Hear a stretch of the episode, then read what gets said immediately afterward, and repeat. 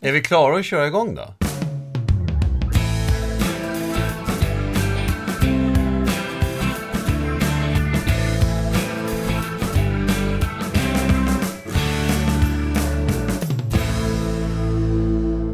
Det här är Hundens huspodden. Avsnitt 17.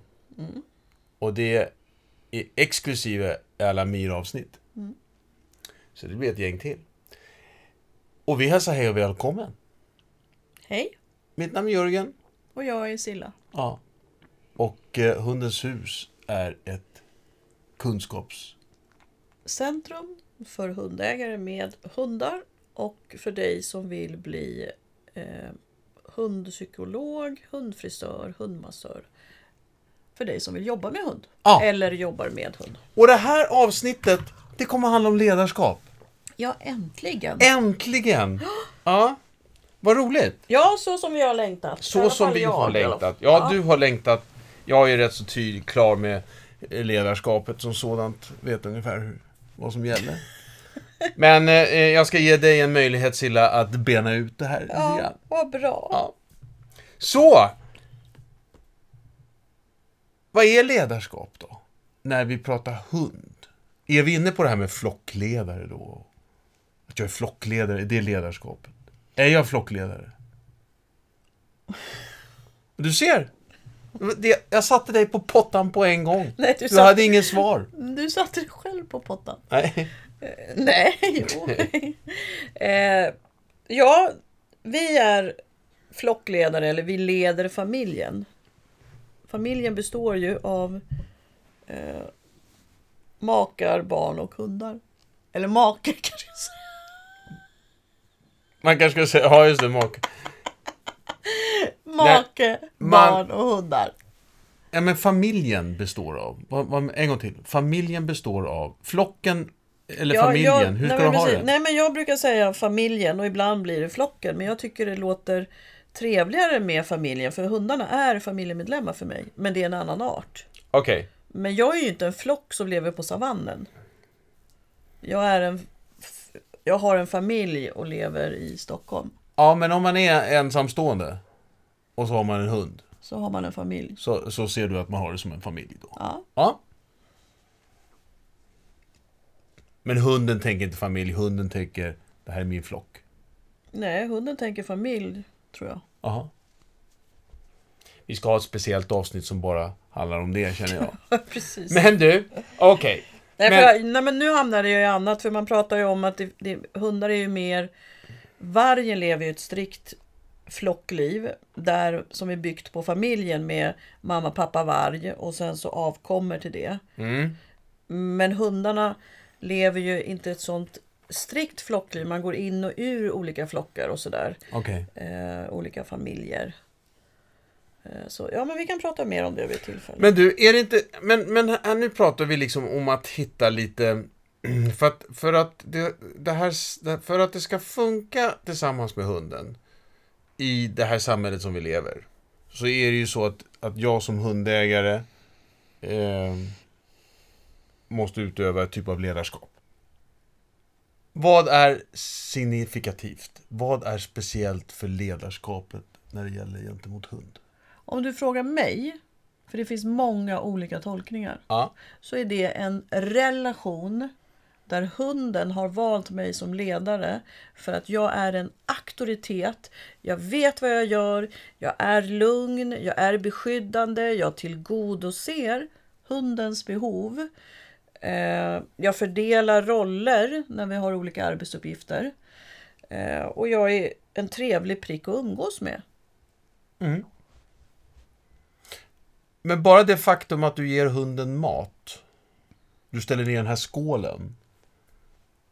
Redan där ser hunden dig så... Utövar du ett ledarskap redan där? Nej, det behöver jag inte göra. Det beror ju på vad jag har för relation. Okej. Nej, men om du tänker eh, på ett shelter så ställer man ner skålarna. Eller om du har en jättemånga hundar så ställer, ställer du ner skålarna. Men det behöver ju inte betyda, eller om du bara har en hund och ställer ner skålen, det är inte samma sak som att du är ledare. Det betyder att du ger hunden mat. Ja. Vilket är trevligt. Men det har ingenting med ledarskap att göra. Där är du bara trevlig prick. Ja, Ja. om jag inte är en otrevlig prick. Nej, men nu fick jag här jämförelse med fängelse. Du kan ju, om du sitter i fängelse så får du ju mat, men det betyder ju inte att fångvaktarna är ledare. Nej, det, det, det var en association. Och så får man ju hoppas att de är trevliga prickar. Men om vi... Hur bygger man ledarskapet då? Ledarskapet bygger på att allting gott kommer ur mig. Jag är en resurs för hunden och jag är, eh, är någonting som hunden vill ha mer av och ser upp till. Eh, och jag formar en vardag ihop och jag formar liksom våra aktiviteter. Och samtidigt så låter jag hunden ta initiativ. Eh, och jag börjar ju redan med valpen med eh, kontaktövningarna så får, jag, så får jag en dialog. Valpen tittar mig i ögonen och jag berömmer den för det. Ehm, jag gör olika kontaktövningar så att hunden, eh, valpen tittar mig ännu mer i ögonen och så berömmer jag. När sen hunden börjar göra det här mer och mer per automatik. Valpar är ju väldigt spontana och gör det. Eh, Men om jag bibehåller det och liksom förstärker det, då får jag en valp som, eller hund som tittar mig mer och mer i ögonen. Eh, Som en Mira till exempel. Hon är ju en självständig ras och jag vill ju verkligen behålla den här valpkontakten som hon har. Så när vi är ute och går, om hon tittar på mig då, då berömmer jag ju henne.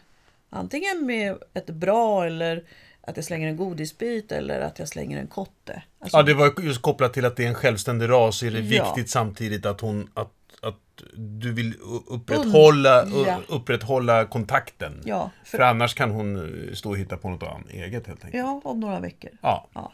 Mm. Eh, Så att eh, där börjar jag och eh, bygger upp dialogen. Och då när jag har fått dialogen, och som jag nu då har med Mira faktiskt. Hon börjar be mig om saker. Kan jag få eh, slicka den här skålen? Kan jag få springa efter? Får jag gå ut genom dörren? Då har jag fått de här be om lov situationerna. Att hunden ber mig om lov för att få göra vissa saker. Eh, och sen kommer då det sista och det är när jag har dialogen och vi behöver sätta lite regler och så. För att man blir tonåring och självständig. Då, då, då kommer ju vetorätten in och då ledarskapet. Så att om,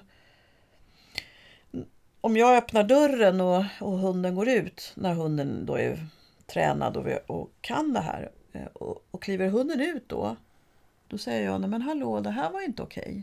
Och så brukar jag Mm. peta lite på dem i sidan. Mm. Liksom. Ehm, vilket då är en påminnelse för hunden. Oh shit, jag glömde bort mig.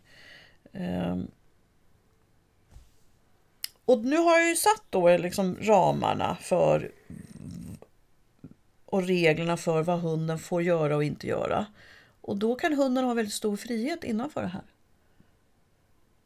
Och vi Ja. har ett samspel. Och allt det här bygger ju på trygghet. Att hunden är trygg med mig och vet, eh, kan lita på mig till 100%. Jag beskyddar den, den får maten, den får gå ut, den får kel och mys, vi leker och allt det här. Så att jag har byggt relationen, jag har byggt tryggheten, jag har fått ett bra samspel.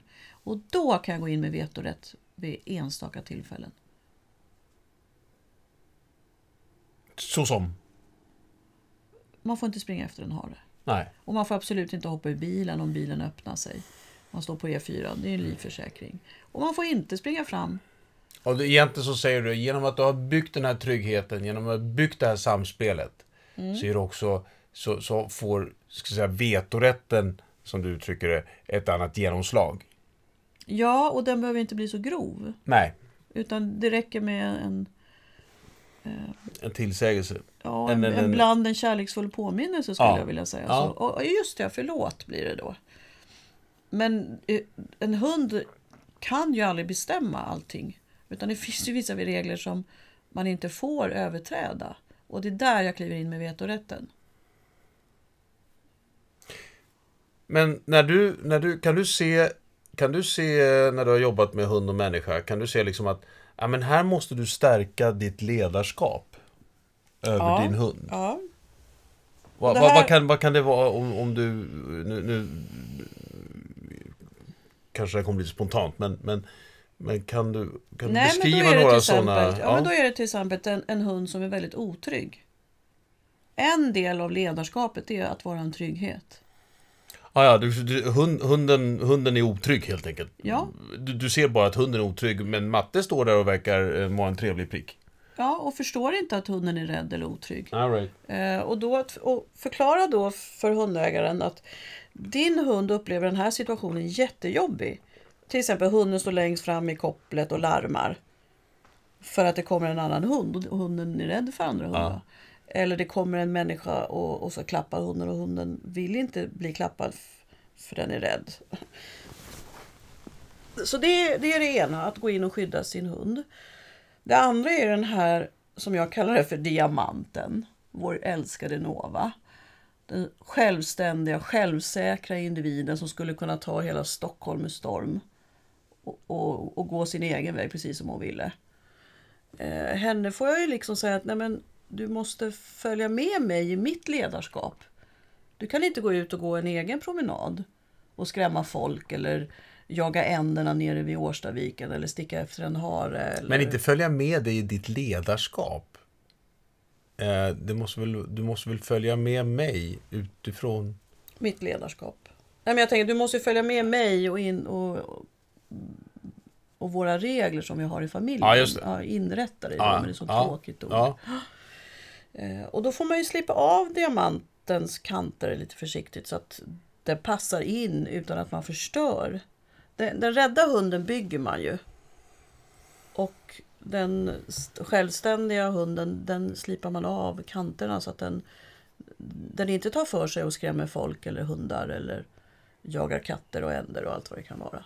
Så här i, i ledarskapet så blir det oerhört viktigt liksom att, att inte eh att inte sätta de där ramarna, de där reglerna som, som, som inskränker hundens ska säga, personlighet eh, eller egna driv så att säga. Är det det du menade förut när du sa att man förr så var man väldigt hård, man var väldigt liksom eh, ledarskapet var väldigt handfast och eh, markerande hela tiden och så sa man det här är ett sätt Nej, tar jag... men Jörgen, det sa jag inte. Jag sa att det var våldsamt och orättvist. Ja. Jag tycker att jag har ett handfast och markerande ledarskap. Ja, Men det är inte orättvist eller våldsamt. nej, Men det är väldigt handfast. ja, Så fort en hund går över en gräns så säger jag app, app, det där är inte okej. nej, Men hunden litar på mig och jag gör ingen våld av det. nej. Ma- Ja, Bra, bra. Ja, ja, Ja. utmärkt. Nej, men Perfekt. Det, ja, och det jag menar det är att vi, ehm, de självständiga individerna eh, måste, vi, måste vi forma så att de inte... Och det är ju samma sak för människor. Vi kan, alltså, människor måste också lära sig att, att leva i ett samhälle på allas villkor. Man kan inte kliva över och göra illa eller eh, inte göra illa, gör ju inte hundar på det viset, men skrämmas eller sådär. Bara ta för sig. Man kan inte bara ta för sig av, av livets smörgåsbord. Man måste visa hänsyn. Speciellt om man är många, vilket man är i Stockholm. Alltså, det är stor skillnad på att ha hund i Stockholm än på landsbygden. Eller i Göteborg och på landsbygden. För det krävs mycket, mycket mer av hunden och hundägaren. Så ja, du måste Men ledarskapet, ledarskapet, Du frågade mig så här, vilka olika situationer? Det ena är den rädda hunden. vart du arg nu på mig? Ja, faktiskt. Varför vart du arg för? Det här, är, det här är en jättesvår fråga. Är det det? Ja, då ber jag om det, är helt, det är inte, så helt, det är inte helt, liksom, helt sådär såklart. Jag menar att ledarskapet måste vara, lik, eh, det måste väl vara lika viktigt på landsbygden eller där jag liksom har bara tre kåkar runt omkring mig som det är i stan, men det, får, det har olika konsekvenser. Alltså, alltså ledarskapet, ledarskapet som sådant, alltså trygghet och, och, och samspel om du inkluderar det i, i ledarskapet och den där vetorätten då. Det måste ju vara lika viktigt Ja, överallt. absolut. Men det händer inte så mycket om det är tre kåkar. Nej, Och det är det jag menar. Det är där... man utmanas inte lika ofta i sitt nej, ledarskap. och, nej eller? och hunden blir inte... eh, Blir antingen inte provocerad av sin omgivning, den hunden som är rädd eller obekväm. Det, alltså, blir inte provocerad om det finns tre kåkar. Och det är heller inte så att den hunden som tar för sig av livet kan inte det är inte så många som den kan skrämma Nej. om det är tre right. kåkar. Så det är det jag menar. Det, Ja. Visst, det är en större utmaning, så kan vi säga. Ja. Men ledarskapet är absolut lika viktigt. Ja. Absolut. Det tycker jag. Har du några ledarskapsövningar då som förstärker de här ledarskapet? Ja. Vi har lite grann... ja. Vadå, vad tänkte du? Nej, men du nämnde förut det här med liksom, eh, att, att du fortfarande vill ha... Du passar på när du får blicken ifrån eh, Mira att förstärka Mm, det, så att säga. Liksom.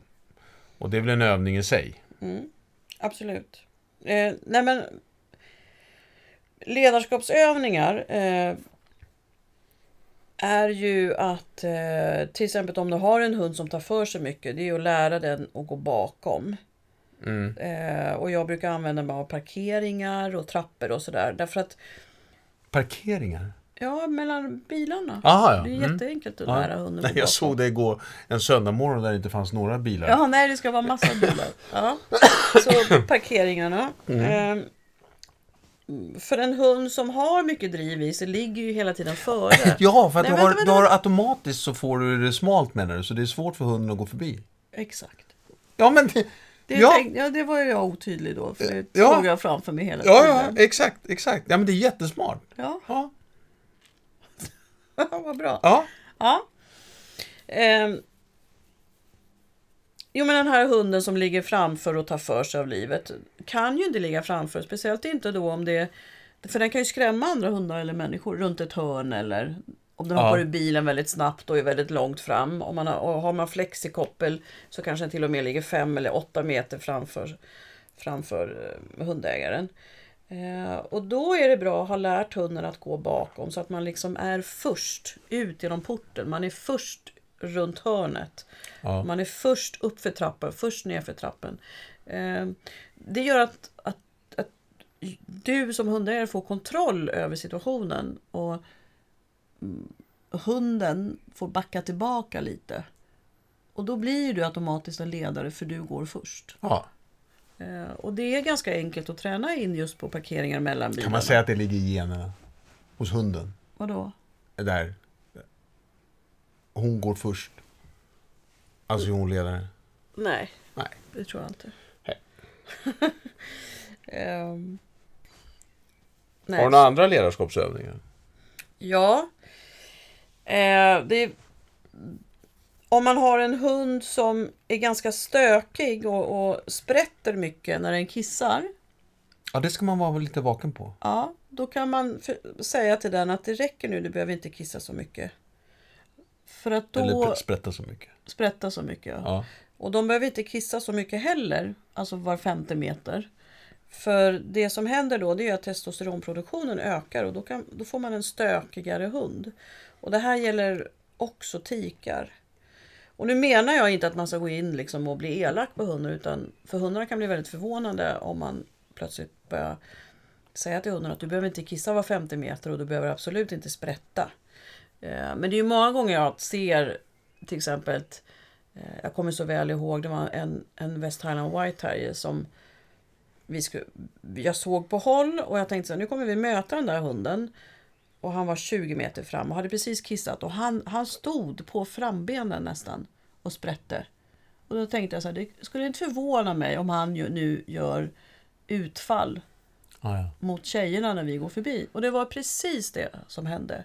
Och då tänkte jag så här, om, om den hundägaren får kunskapen om att minska på sprättandet och minska på kissa, kissandet så kommer ju hunden per automatik att bli lite lugnare och mer formbar och mer lyhörd för sin ägare. ja. Och den hunden skulle man kunna träna också att gå bakom sin hundägare. Just i möten med andra. ja. För där låg han först i sträckt koppel. Och nu stod han inte på frambenen utan nu står han på bakbenen och försökte bita tjejerna. Mm. Som jag hade på min andra sida. Och det är också en ledarskap. Eh, tänk, det är att jag alltid buffrar. Och det Ja, betyder det. att jag går, om jag möter som den här västing kommer på min, vad blir det, högra sida va? Nej, vänstra. Då tar jag över mina hundar på min högra. Så att jag är mellan den mötande hunden och mina hundar. ja. Eh, så att det gör jag. Och det blir också väldigt tydligt för hunden att ja, men hon går emellan, hon skyddar mig, hon tar stöten liksom. Ja. Alternativt, och det tänker då den rädda hunden eller obekväma hunden. Och den, den hunden som tar för sig och kanske är utåtagerande själv tänker nej men hon går, hon går där, jag kan slappna av. ja. Hon tar det här. Hon tar det här. Eh, Så det är en, att buffra är då en, en ledarskapsövning tycker jag. Eh, Att gå bakom, att kunna sitta stilla och det är egentligen inte ledarskap men det är stadga och det är bra att ha om man har en hund som är väldigt utagerande och vill ta för sig. Att, nej men om du sitter här och så ställer jag mig framför dig. Och det räcker med att man bara har hunden som man har ett ben framför. Mm. Eh, Då är det ju jag som tar mötet. Ja. Om det nu är en, en, en glad, ett glatt barn eller eh, en arg person eller en hund som är på eller hästarna som kommer. Alltså Ja. hela tiden tänka så. Ehm, och sen det här med kissandet. Att nej men de kanske inte behöver kissa. Och det gäller ju tikan också. Ja. Så att eh, bara, nej men nu går vi, du behöver inte kissa och så går man liksom. De lär sig ganska fort. Men blir det här, det här blir, det här blir också hela tiden att man... Eh, ja, du pratar trygghet, men jag, alltså vad jag hör är också, det är ju liksom ja, att, du, att du också tar ansvar för... Jag tar ansvar för dig och mig. Mm. Och det är jag som tar det ansvaret. Du behöver inte ta det här ansvaret. Eh, Och det är många gånger det blir olyckligt med det här ansvaret att man har fört över den här hunden som jag beskrev i början som står och larmar och som är väldigt obekväm i den situationen. ja. Den gör ju det därför att den är otrygg och det är ju ingen i familjen som tar den rollen. Nej, Så då går hunden in i det men det, den pass, det passar inte den hunden. nej. Eh, Eller så är det då den här vaktande hunden som går in och tar det. Och det behöver den ju inte göra för tänk om den tycker att den här människan kommer för nära. Exakt. och kanske då gör ett utfall eller till och med biter ifrån har jag varit med om. Så där får man ju vara väldigt tydlig med att nej men du behöver inte vakta nu, jag tar det. Och sen är det ju klassikern med att om, om jag har eh, alltså en hund som tar för sig av livet eller är väldigt självständig så tycker jag att, ja, men, att be om lov i maten det, den är självklar. Och har jag fler hundar i gruppen eller i familjen så kan jag också etablera eh, struktur, alltså hjälpa hundarna med, sin, med sina relationer genom att bestämma i vilken ordning hundarna får sin mat. Ja, just det. Nu, nu finns det hundtränare och etologer som säger att ja, men det där stämmer inte. Och ju, man tror inte på det. Men jag kan ju se att det hjälper. Sen om det är för att hundägaren blir tydlig eller inte, det spelar ingen roll. Det blir lugnt i gruppen, det blir lugnt i familjens hundar om man har en tydlig... Alltså jag hjälper, jag hjälper till med relationen och den, den äldre hunden får före den yngre eller tiken får före hanen. Alltså sådana Ja. där saker. Och där är det ju många som tror att det alltid är den äldre som ska få först. Ja, Men det behöver det inte vara, för den äldre kanske vill lämna ifrån sig sitt. eh, Den kanske inte vill ha täten liksom. nej, nej. Oj, oj, oj. Ja, nu blev det Ja, mycket. eller hur? Nu vart det Ja. mycket. Nej, men, ja just det. Nej, men jag, jag, tänker, jag tänker också på... Du, ja, men du brukar ju också uttrycka, du säger ju så här, du, du säger så här, ja men pröva då. Mm. Vi Får det effekt så får det effekt. Mm. Blir det lugnare av att du ger den hunden först och den andra sen och den tredje då? Mm. Eller ska du lösa det här på något annat sätt liksom? Och då ger man det minst två veckor. Men har det inte blivit en förbättring eller en förändring Mm. på två veckor, då behöver man sätta sig ner och fundera på vad som behöver förändras. Men generellt så här, om, om man säger så här, i, i, nu när vi fick hem Mira här nu, och så har vi haft eh, Nova, nu har vi haft, nu hade vi ju Hallon under lång tid också. Eh, men hade, eh, hade det varit oschysst liksom att ha gett valpen mat först och sen så Nova, hade det liksom, det kunde ha blivit så att om man hade varit uppmärksam på Nova, att hon kunde ha blivit lite ledsen. Ja, nej men då är det så här. Nu kommer vi in på någonting som ofta missuppfattas. Ja. bland när man pratar ledarskap. Bland, bland din man, bland annat. Ja. Ja. Nej, men och det är ju rangordningen. Mm. Det är ju så att ledarskap är en relation och det har ingenting med position eller rangordning att göra. Utan jag är ledare för att jag är en auktoritet, jag vet och kan, jag skapar trygghet, eh, jag fördelar rollerna, jag ser till att det är lugn och ro. Allting gott kommer ur mig. Ja. Det är ledarskapet. Ja. Så nu kommer man in på det här med rangordning då. Ja. Eh, och rangordningen bygger på att det är en, en, en ordning i gruppen oavsett om det är människa eller om det är hund. Man brukar prata om de informella ledarna och de formella ledarna, eller hur? Okej. Och så har man en, en struktur i gruppen. Eh, den här rangordningen som, som finns, den är artspecifik. Vilket betyder att en hund kan inte vara ranghög över en människa, vilket många människor tror. Och det är en gammal, gammal myt som är helt fel. Okej.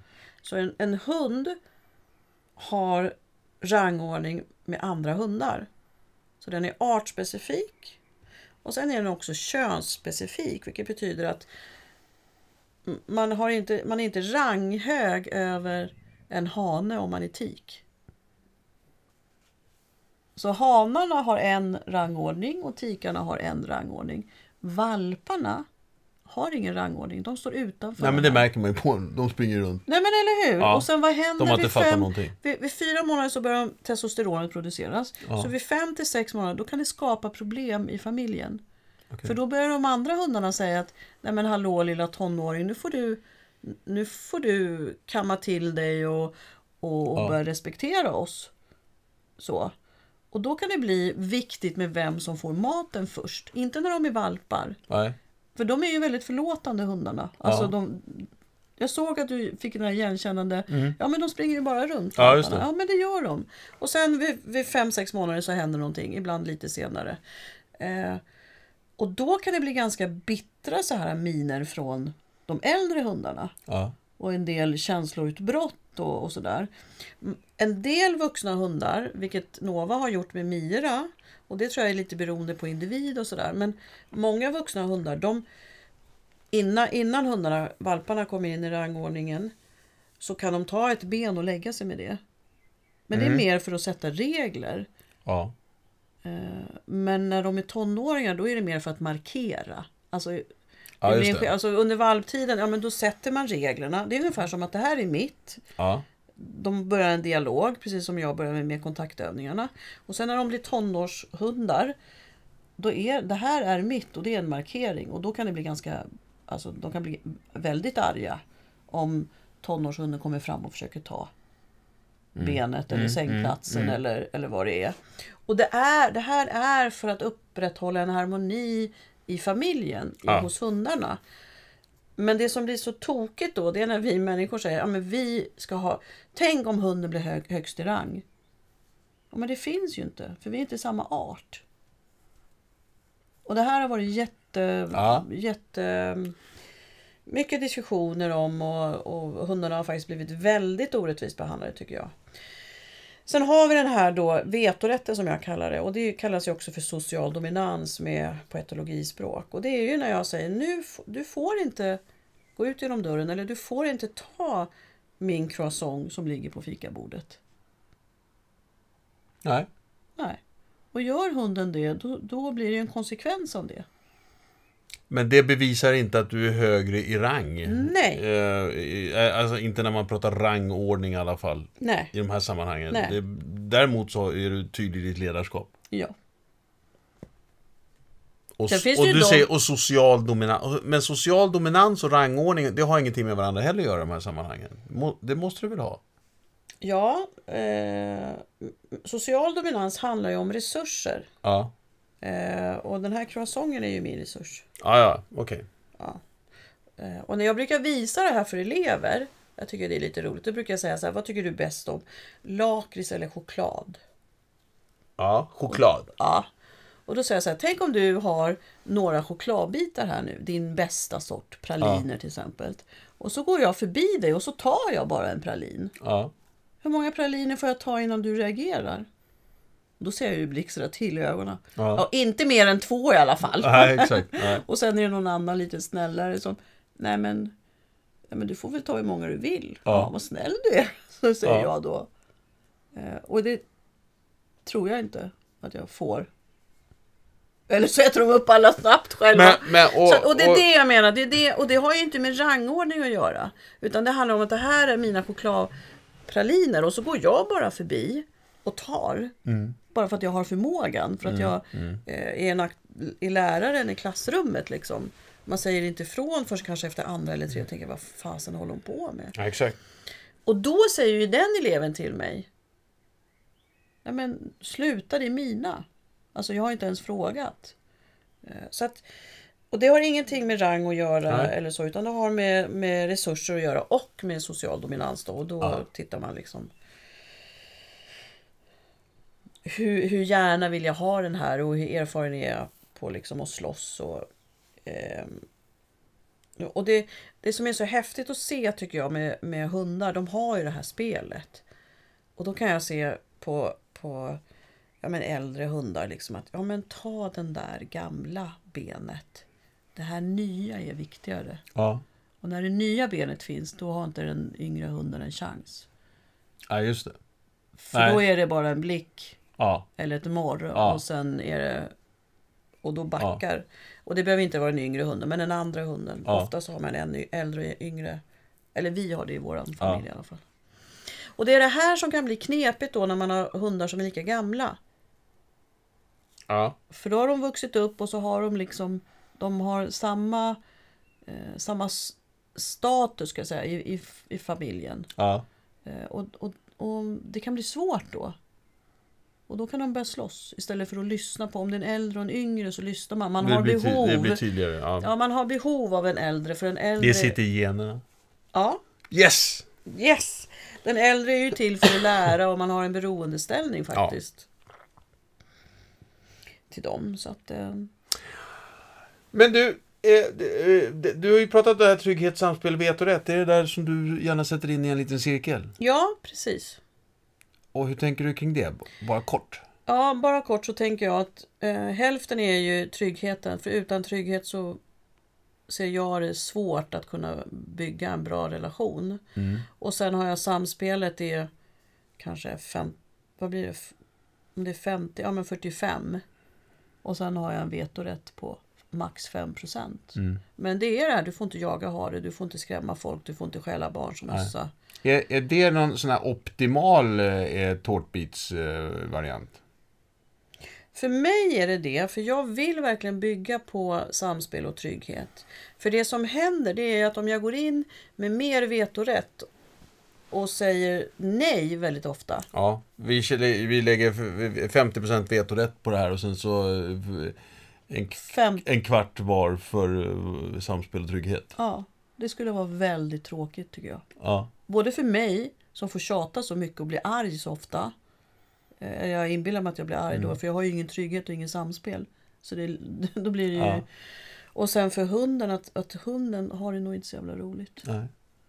Förlåt, nu svor jag. Så det där, så det där, kan, man, det där kan man hålla på och eh, mm, eh, ha lite grann som en, en egen eh, självanalys, eller? Ja, man kan fundera på. Och då Ja. brukar jag säga så här. Hur många nej säger du till din hund varje dag? All right. Summa summarum. Ledarskapet. Vad, är det första jag ska tänka på? Är det tryggheten? Ja. Om jag Och ska ha bli... en dialog. och Skapa en dialog. Skapa en dialog. Eh, och då ger det dig också ett utrymme. Det blir liksom lite... Det blir... Du får mer kraft bakom dina nej också då. Ja, och jag behöver inte säga dem så kraftfullt. Nej. För bara lyssnar. Nej, men jag menar, du får, Ja. du får, en, du får en effekt Puss, på ditt... ja. Ja. Nej, men precis. Bra! Spännande, hörru. Ja. Ska vi säga så, så säger vi tack och hej. Eller vill du säga något mer om ledarskapet? Det ser så ut på dig. Ja, ja, jag, jag tänker... Nej, men det viktigaste är väl att det är relation och att eh, ledarskap är inte samma sak som rangordning och social dominans. Och ledarskapet, du blir, får, inte, ens, du blir inte en, en bättre ledare av att du... Skriker högre. Nej. Nej. Eller som i det gamla klassiska, eh, att man brottar ner hunden och håller i den. Absolut inte. Du blir en sämre ledare. I hundens ögon. I hundens Ja. Fint! Då säger vi så. Tack och hej! Tack och hej!